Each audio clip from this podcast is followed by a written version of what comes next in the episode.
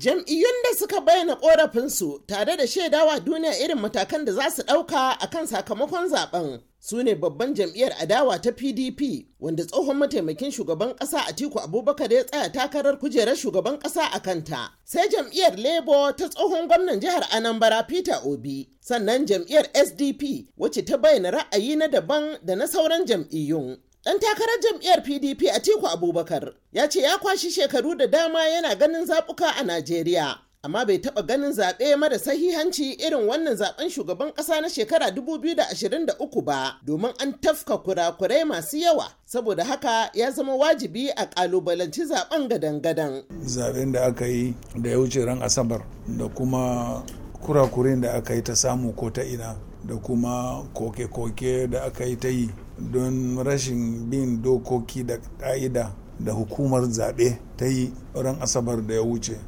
Shine nake so in ja hankulan jama'a a najeriya akan lalle-lalle ya zamanto wajibi mu ja hankalin hukumar zaɓe domin ta gyara ayyukanta. Kana ganin waɗannan kurakurai da kai bayanin su sun shafi ingancin sakamakon zaɓen? Kwarai da gaske. Ai hukumomi da suka zo na bin zaɓe daga ƙasashen waje kusan dukansu sun amince ko kuma sun yarda cewa ba a yi zaɓen nan bisa ƙa'ida bisa dokoki da ƙasa ta shimfiɗa wa hukumar zaɓe ba.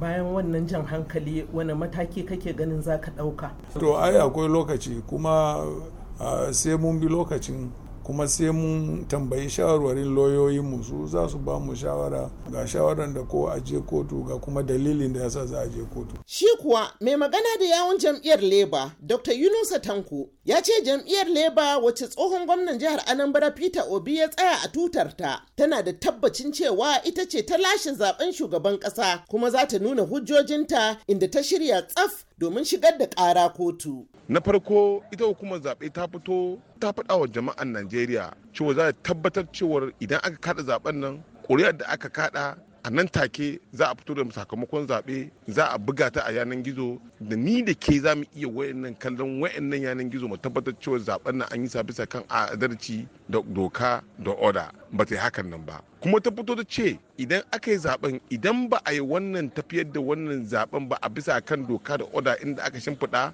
a electoral act da kuma kan bisa kan yanayin inda za a yi zaɓe to kuɗin da aka kada a lokacin nan ba a yarda da ita ba. Amma jam'iyyar sdp da ke ƙarƙashin shugabancin alhaji shehu gabam ta ce ta amince da sakamakon zaɓen shugaban ƙasa da hukumar zaɓe ta bayyana. Mun ce duk inda muka yi takara mun yadda ai mun faɗi a shugaban ƙasa. Mun yadda da wannan. Amma inda muka san muna da ƙarfi mun tabbatar bi izinin ba mu san gaibu ba. Muna ga mu muka ci zaɓen wajen ƙarshe aka yi ta abin da aka yi wannan ne muka ce za mu bincika. Amma ba mu ce mun yadda mun ci zaɓen shugaban ƙasa a cutar da mu a kai ba. Wannan ma wanda yake da matsala a zaɓen sanato da hazaura shi ma yana iya zuwa kotu. Saboda a gyara zaɓen da zai zo na sha ɗaya ga wata na gwamnoni da 'yan majalisa. In ba a yi ƙoƙari an gyara yanzu ba wanda za a yi zai fi muni akan wanda aka yi yanzu. A lokacin da yake nashi nazarin akan sharruɗin shigar da ƙara akan sakamakon zaɓen masanin shari'a kuma ƙwararre a fannin kundin tsarin mulkin ƙasa barista mai nasarar umar ya ce akwai abin dubawa a dokar zaɓe. Duk wani wanda yake yana da adawa ko kuma neman wani gyara ko canji akan wannan abu da aka furta to zaɓin shi ɗaya ne ya je kotu. Yana da dama a hurumi na sashe na shida da talatin da shida da sashe na ɗari biyu da talatin zuwa na ɗari uku da huɗu na tsarin mulkin Najeriya ya kalubanci abin tun daga mataki na farko har zuwa kotun Allah ya isa. Gwamnatocin ƙasashe da dama irin su Faransa da Ingila har da ƙasar Amurka sun aike wa zaɓaɓɓen shugaban Najeriya Bola Ahmed Tinubu da saƙon taya murna amma da shawarar cewa a sa ido akan korafe-korafen da 'yan ƙasa suka yi kan sakamakon zaɓen. Madina Dauda, muryar Amurka daga Abuja, Najeriya.